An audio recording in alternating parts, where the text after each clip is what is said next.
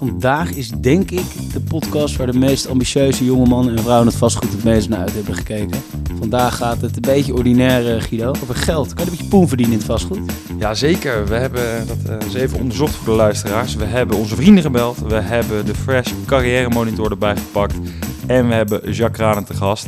Headhunter voor eh, ja, de wat, wat ervarener vastgoedrot. En uh, ja, we gaan erachter komen. Wie verdient wat en waar kan je het meest verdienen? Exact.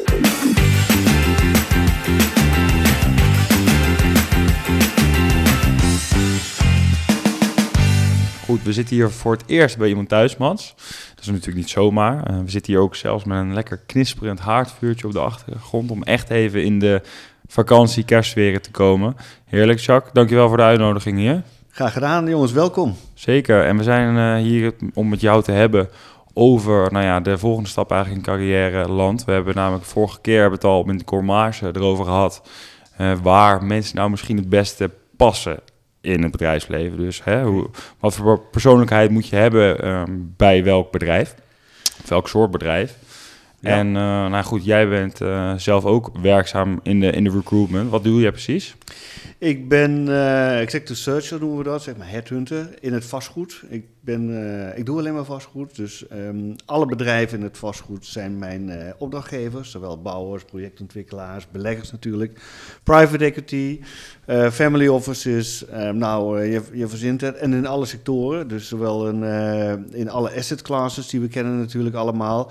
Maar ook in infrastructure, uh, hospitality, uh, healthcare. Uh, nou ja, daar doen we allemaal. Overal waar vastgoed aan vast zit, dat doen we in feite. Um, en dat doe ik al een jaar of 18.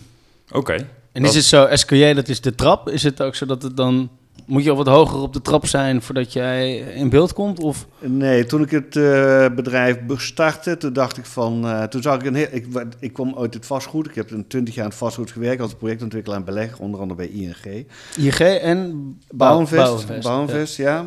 En uh, in die tijd keek ik veel architectuurboekjes. En dan zag ik ook hele mooie trappen. En toen dacht ik van, hé, hey, wacht even, die trap is wel geweldig. En die trap gaat omhoog, want de mensen willen altijd omhoog of naar het licht toe. Dus ik zag een hele mooie vuurtoren. En dat werd op een gegeven moment het beeldmerk van Escalier in het begin. Um, en dat heb ik nog steeds gehouden. En wat was het moment dat je, want je was directeur bij Bouwfonds volgens mij.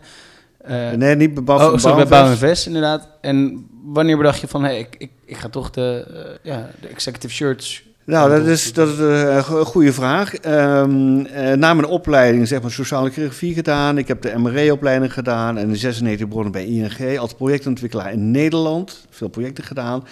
Toen in 2000 overgestapt naar het buitenland. Uh, toen teruggevraagd, niet bij projectontwikkeling, maar bij de fondsen van ING. Heb ik in de fondsen gewerkt een aantal jaren. En toen ben ik overgestapt naar Bouwinvest.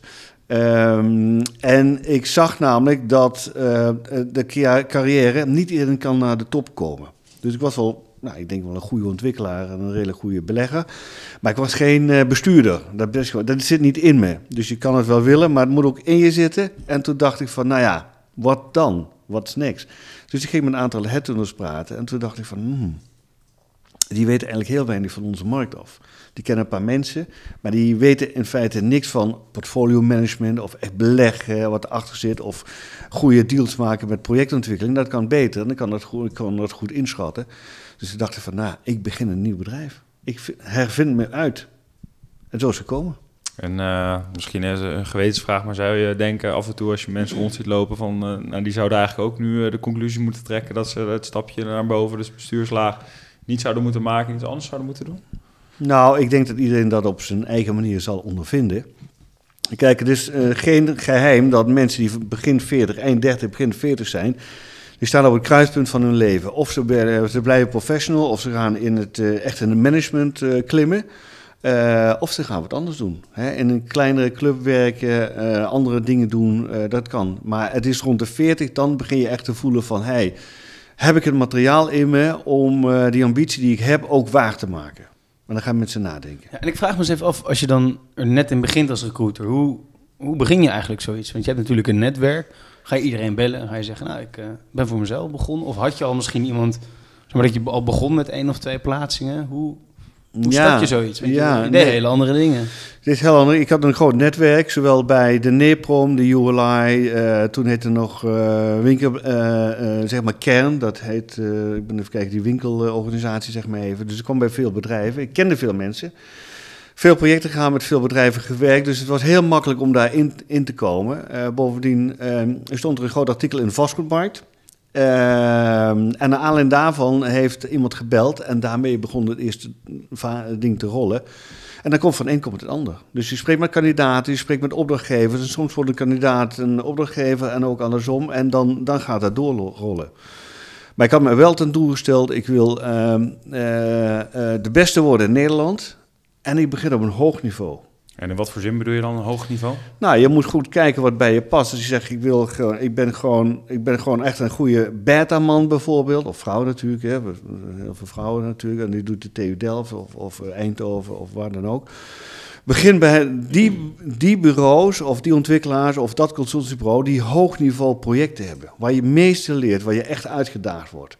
Dan stijg je echt in je kunnen en in, in je perspectief om een goede carrière te maken. En is dat dan heel even plat geslagen, dus hoog niveau, zou dat dan misschien de grote projecten zijn, of juist de grote organisaties?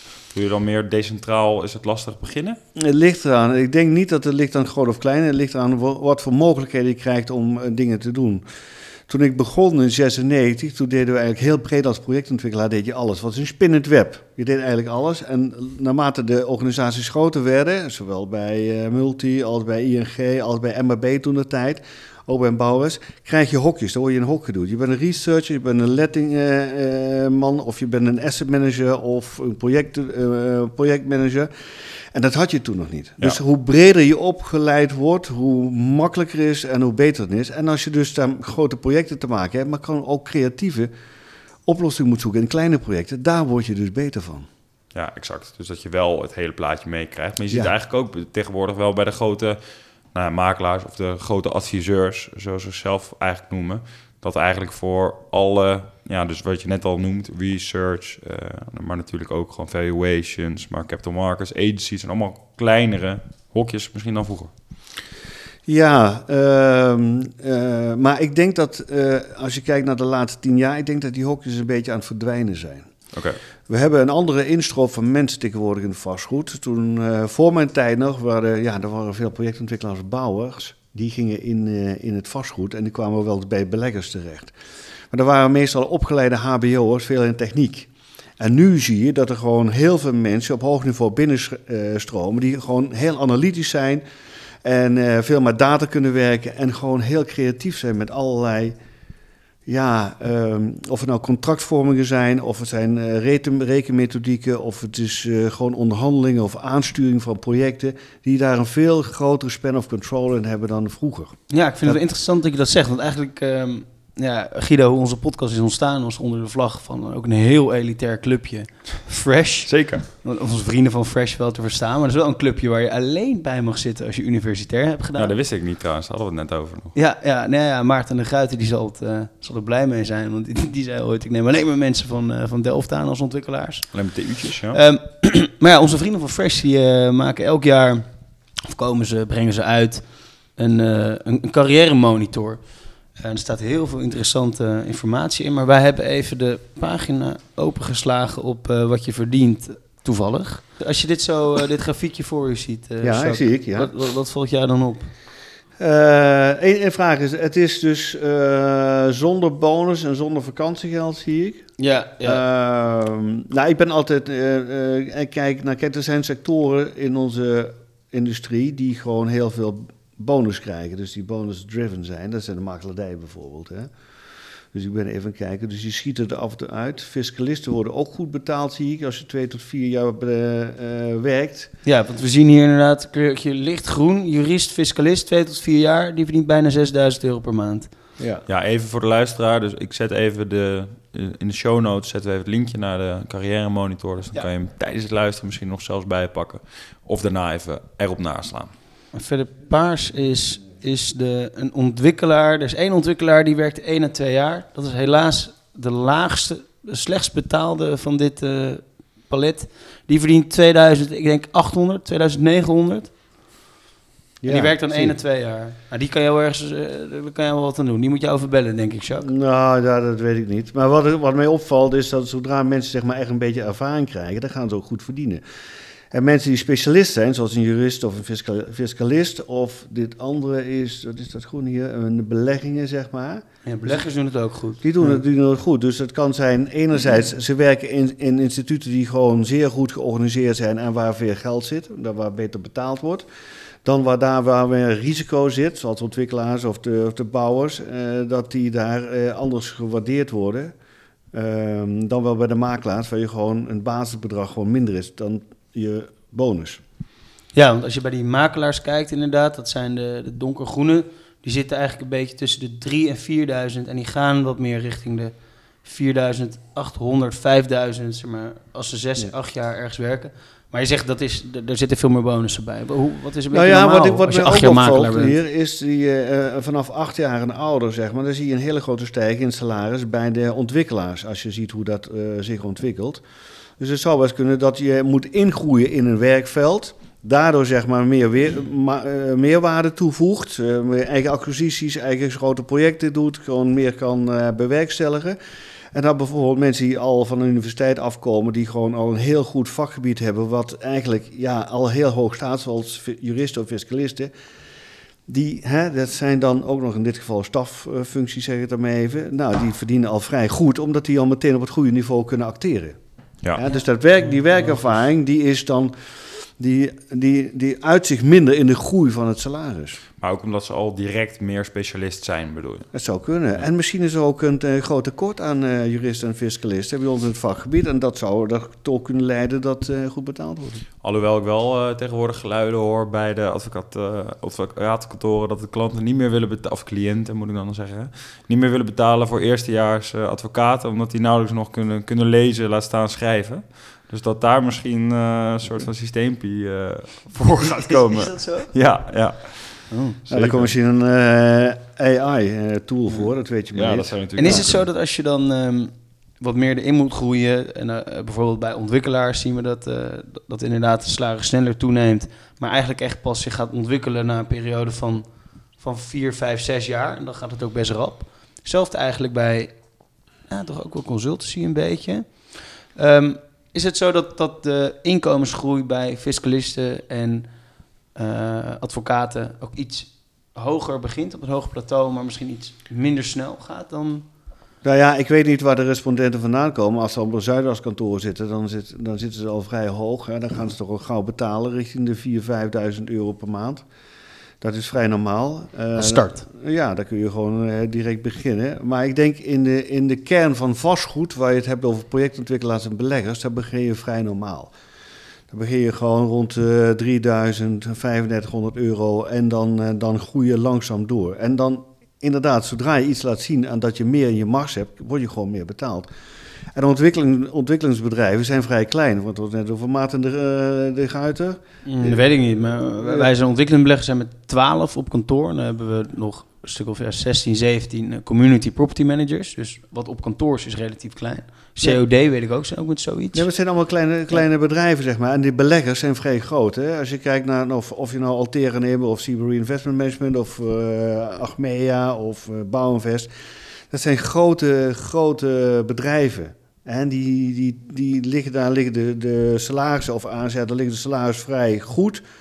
Maar je stijgt ook vrij langzaam. En als je dus een kleiner bedrijf hebt, zo kun je makkelijker zeg maar, daar je verschillen maken.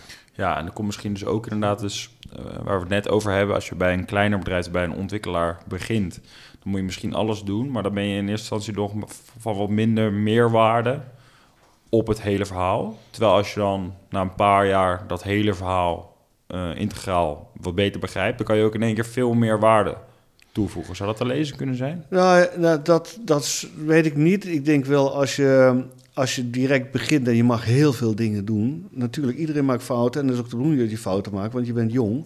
Dus dat is, dat is echt absoluut wat je moet, eh, moet accepteren en ook mee, eh, eh, mee om moet leren gaan. Dat is eigenlijk heel fijn. Wat er gebeurt is, als je in een hokjescultuur gaat zitten, in het begin, je wordt, eh, weet je wel, researcher, dan ga je verhuur doen of weet ik het allemaal. Nou, dat kan. Eh, maar die mensen die zeg maar, breed opgeleid zijn in de eerste vijf, zes, zeven jaar, die kijken anders naar hun carrièrepad. Want ze zijn al breder, ze hebben al veel gezien en ze hebben een beetje gevoel waar ze naartoe willen gaan. Dus die maken een bewustere keuze in een tweede of een derde ehm, stap die ze gaan maken. Dat kan binnen het bedrijf zijn, maar vaak buiten het bedrijf. Oké, nou ik denk dat we dan hier even een kleine conclusie uit eh, moeten trekken. Ja, Mats, je had voor de, voor de research ook nog heel even buiten de muren van, uh, van de vastgoedsector ge- gekeken. Hoe wij natuurlijk presteren Ja. zijn de sector. Ehm, Ja. En dat heeft nu natuurlijk ook, moeten we wel bij vermelden, ja, werken we nou eigenlijk hard in, eh, als starter? Werken we nou eigenlijk hard in het vastgoed? Ja, ik zie echt zoveel verschillen. Ik, ik, ik weet bij veel van die grote beleggers, zijn ze na vijf uur is het gewoon eh, een, ka- een kanon afschieten en eh, eh, ni- niemand die er naar kraait. Er zijn ook wat clubs en dat hebben dan vaak wat meer eigenaars die ook in het buitenland hebben gewerkt en iets meer een cultuur hebben van, nou ja, we gaan naar huis als het werk af is en eh, je bestelt wat vaker Uber Eats en, en je, je gaat misschien na het eten naar huis. Nachtelijke praktijken zie ik in vastgoed Nederland eigenlijk niet terug. Misschien bij de juristen dan, hè, als ze iets af Ja, moeten, een paar juristen voor de kerst. Ja, ja, dat gebeurt nog wel eens. En eh nou ja, Giet en ik hebben onze, onze vrienden gebeld, die allemaal een beetje... nou, wij zijn eh, eh, richting de 30, maar nog geen 30. Ehm, en zij hebben ons in anonimiteit een beetje hun salarissen verteld. Eh, Guido en ik kunnen onze eigen salarissen niet vertellen. Dan, dan krijgen we ruzie op kantoor morgen. Maar ik had het volgende opgeschreven, Giet. En jij had... Jij, ja, nou ja, ik had een, wat advocaten gesproken. Die gaven aan te starten inderdaad. Ook dus zonder dertiende maand, zonder vakantiegeld. Hè? De- dezelfde voorwaarden als de, de Fresh Monitor. Start op ongeveer 4.500. En als je echt een topkantoor start, kan je het wel tot 5.000 al eh, beginnen. En na twee, drie jaar of vier jaar gaat dat meer richting de 7000. Consultants, had jij er wat meer over gesproken, die starten ook tussen de 3,5 en 4. Ja, dan hebben we het niet over de McKinsey's van deze wereld, maar Nee. daaronder. Ja. Ja. dus, maar wel een beetje eh, Amsterdam werkend. En, en, en die gingen wat meer naar 6 dan, over diezelfde periode. Buitenlands, nou in Amerika daar kan je al snel op een, eh, op een ton starten. Maar dat zijn dollars en dat is heel hard werken. En dan, dan heb je ook wel een goed cv. Dan ga je ook meer richting de private equity real estate wel, toch? Ja, ja, ja, alles is wel, dit is binnen real estate. Ja. En dan had ik een private equity real estate iemand die in Londen werkte. En die kreeg 70k, maar die kreeg een bonus van 70 of 100 procent van dan zijn jaar eh, salaris. En dan hadden we nog ehm, bankiers in Nederland, die, die starten rond de 4000, gaan naar de 6000. Wat een bedrag allemaal. Hè? En asset managers tussen de 3,5 en 4,5. En die gaan dan wat meer naar, naar 5,5. Dus daar zit iets minder groei in. Ehm, klopt dit een beetje? Of, of, of hebben wij een hele skewed vriendengroep? Of liegen ze tegen ons? Of Nou, ik, denk dat er wel een verschil is tussen Amerika en Nederland. Dat denk ik wel. En ik denk ook dat er een verschil is tussen Nederland en de rest van Europa, bijvoorbeeld Engeland. Ehm, eh, even qua uren, want daar begonnen jullie mee. Je Ja. ziet wel een tendens hier in Nederland dat er, eh, de grote bedrijven gaan steeds meer vragen. A, dat ze liever bijvoorbeeld 50% van de mensen op kantoor weer terug willen zien. Daar beginnen ze mee. Maar van de andere kant is er ook een tendens om eh, minder uren te laten werken. 36 uur, 34 uur werken, zoals bij Achmea. Dus daar is een, ook een tendens in. Het hoger management zal altijd 40 uur minstens moeten werken. En Dat maakt natuurlijk misschien wel 80 uur. Maar daaronder zie je gewoon dat er heel veel ehm eh, cafetaria-modellen zijn om een work-life balance te krijgen. Dat is echt, echt aanwezig. En waarom is dat zo? Of wat wilde jij vragen? Ja, nee, ik vraag me inderdaad af. eh, kijk, als je 36, dan zal, dan zal het wel op 36 liggen. Maar ehm, als iemand 40 werkt, wordt er, wordt er nog in het vastgoed wel veel 60 of 80 uur eh, gewerkt daarin? Nee, je krijgt een contract voor 40 uur, maar je, je, je werkt eh, nou, eh, ja, wat de cultuur van het bedrijf is, zeg het Ja, exact. Dus eh, eh, als jij een uitvraag krijgt inderdaad voor een, ehm, nou, voor, een, voor een kandidaat, wordt er dan wel eens gezegd, ja, er staat wel 40, maar er het is eigenlijk wel wat harder. Ja, dat hebben we wel eens gehad. Maar dat komt dan vooral vanuit de private equity. Dus Ja. van, eh hier werken we en we werken gewoon eh 12 uur per dag. Exact. Dat kan. Ja. En er zijn dan ook heel veel mensen die zeggen van, nou, dat wil ik niet.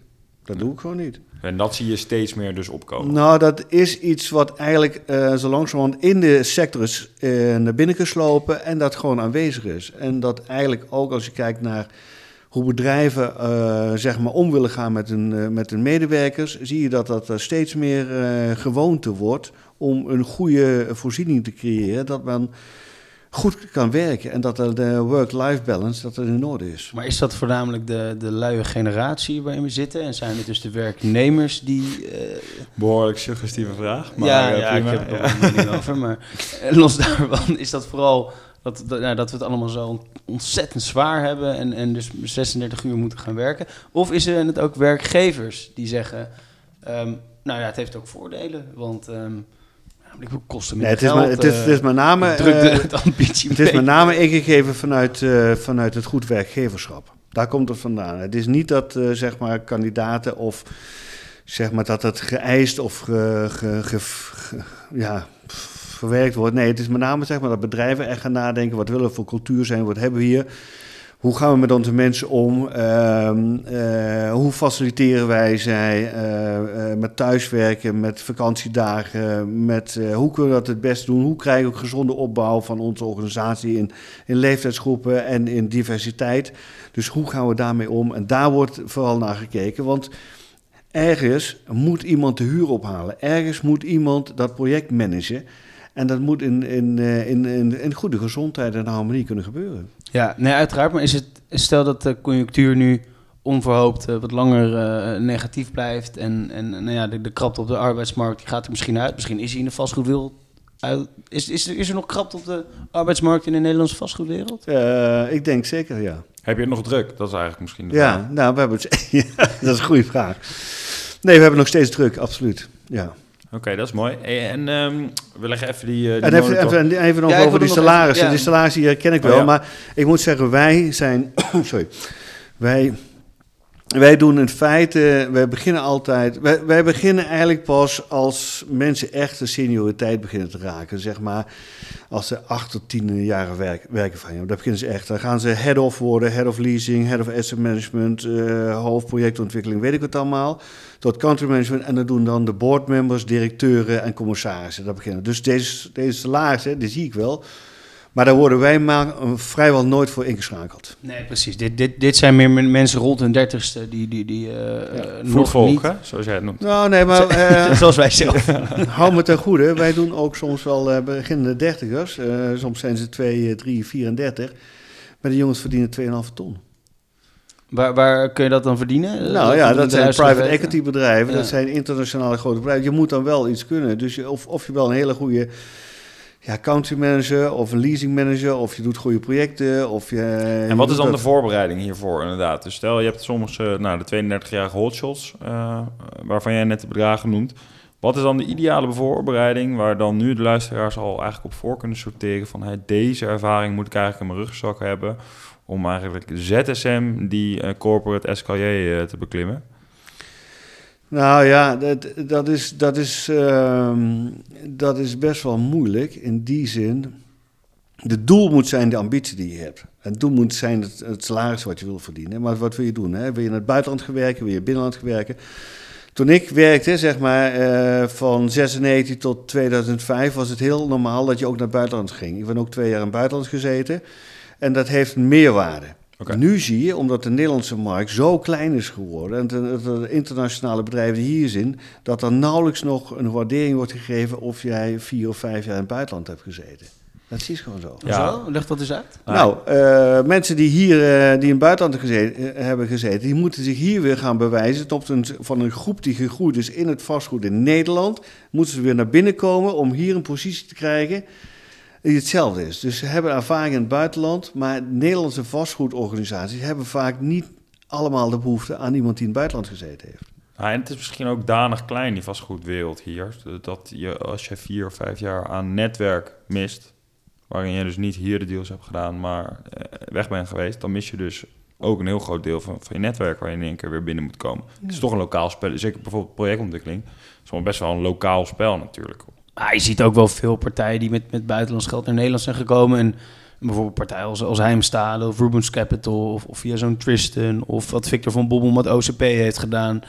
Eh, en ik weet dat er ook veel ontwikkelaars zijn die juist heel veel geld eigenlijk uit Engeland, het kapitaal uit Engeland nu ophalen ehm, om in Nederlandse projecten te stoppen. Dus daar Ja, kan ik me voorstellen dat het ook weer wel een meerwaarde heeft. En daar vragen die mensen... Moet heel, heel veel voorbeelden Ja, zijn. en, ja. die, en, en dat soort bedrijven vragen Nederlandse mensen, omdat die de Nederlandse cultuur en taal en de projecten en alles kunnen, kennen. Dus niet iemand uit Duitsland. Dus dat geld, dat vraagt lokale mensen. En geld wat vroeger in het buitenland ging, zoals bij ING of noem maar op, ja, dan, dan zenden ze iemand uit naar het buitenland. Maar op een gegeven moment moet je een keer terugkomen in Nederland. Je komt een keer terug. Of je krijgt kinderen, of de kinderen gaan naar de middelbare school, of je komt terug op welke eh, wijze dan ook. En dan zit je hier. Dan moet je het hier weer gaan opbouwen.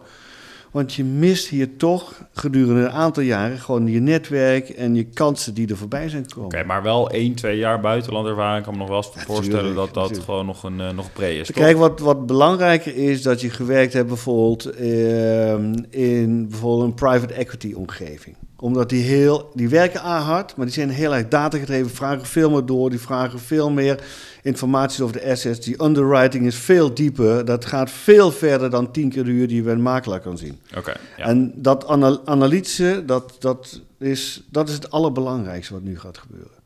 En daarnaast moet je commercie hebben. Je moet een commerciële uh, persoonlijkheid hebben om goede deals te kunnen doen.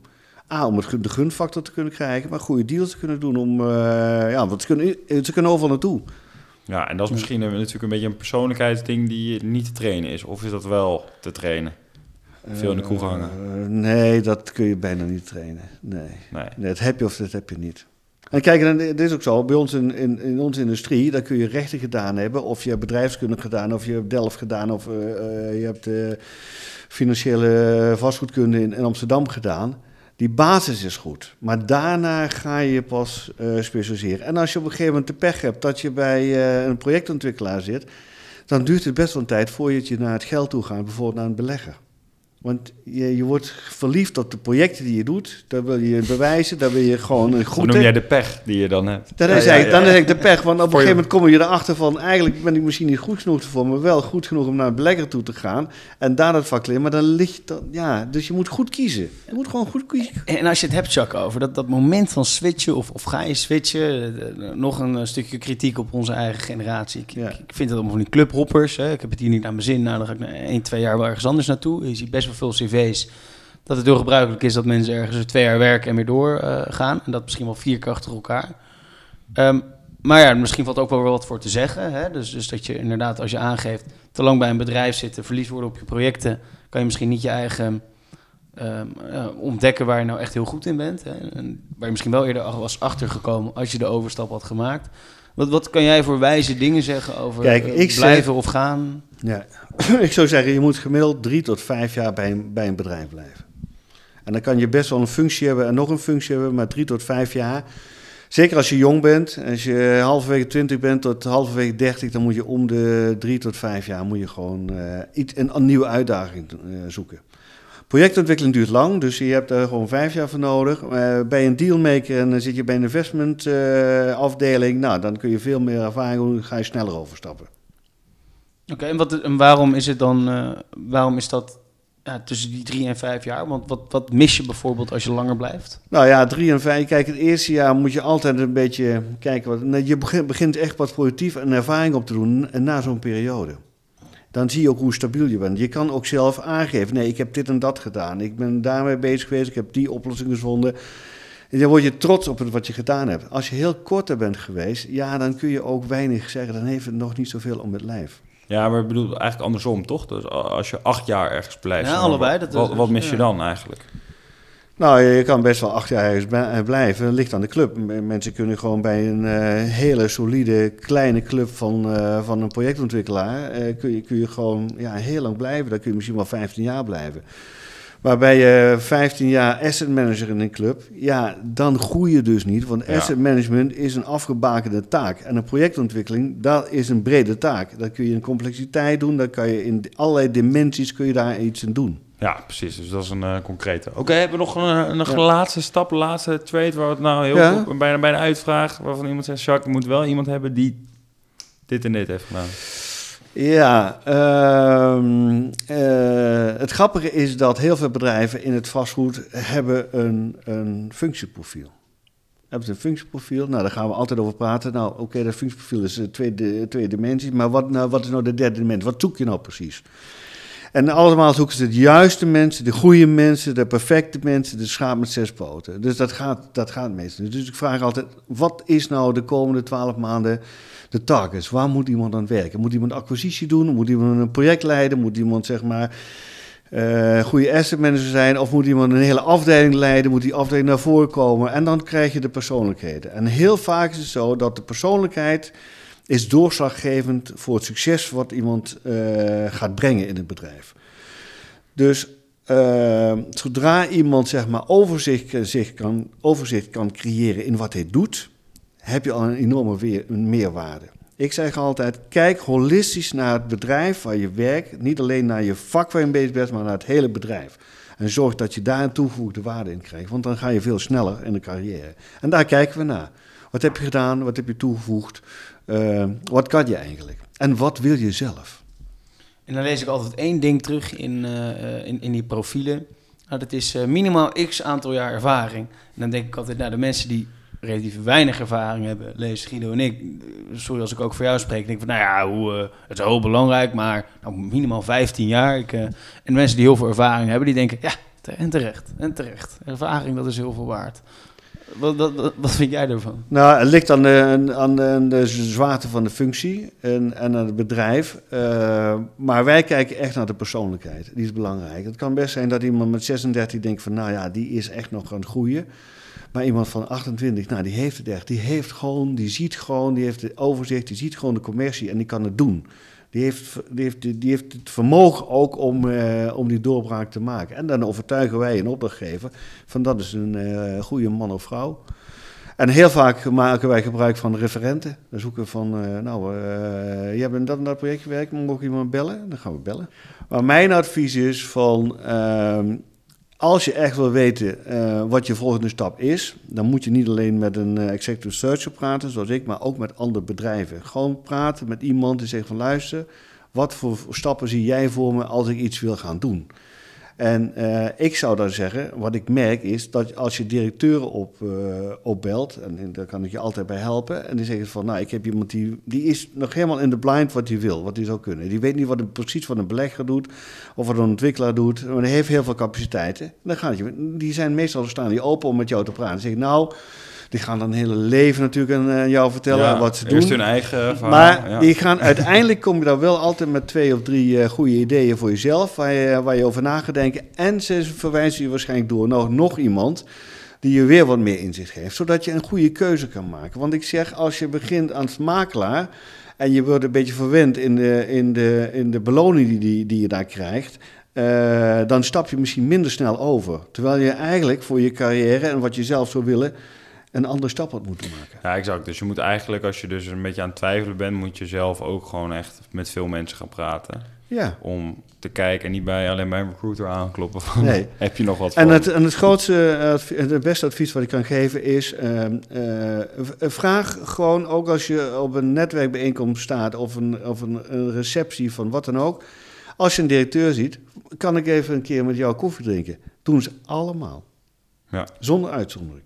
Nou, ik denk dat we. Ik wil je heel erg bedanken, bedanken Jacques. Want ik denk Ja. dat dit voor luisteraars zeker. eh nou, daar zitten zowel wat meer senioren als junioren luisteraars in onze, in onze, onze, onze scharen Luisterbeest, zeker. Ja, ja. luisterbeest. Maar ik zou, we hebben, nou, ja. maar ik heb wel heel veel eh, eh, info eruit opgehaald. Ja.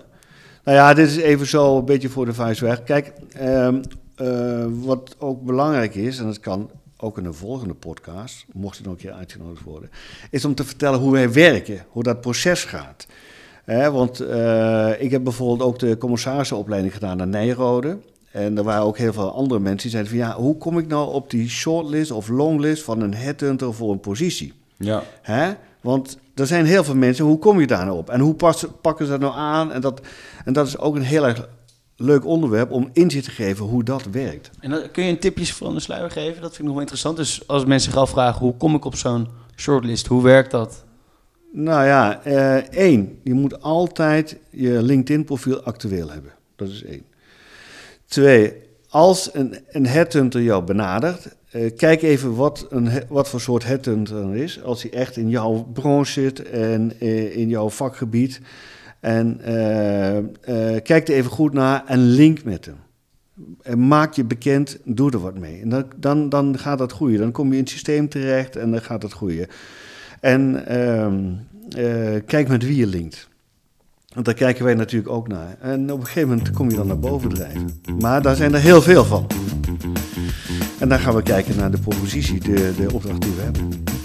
Ja, dat denk ik voor de volgende Ja. keer. eh. Ik kom graag Dan eh, volgend, jaar, volgend jaar met kerst weer langs. Nou, dat gaan we we wel doen. Ja. Ja, en ook toch de leus, hè? Eh, niet alleen maar excellen, ook blijven bellen.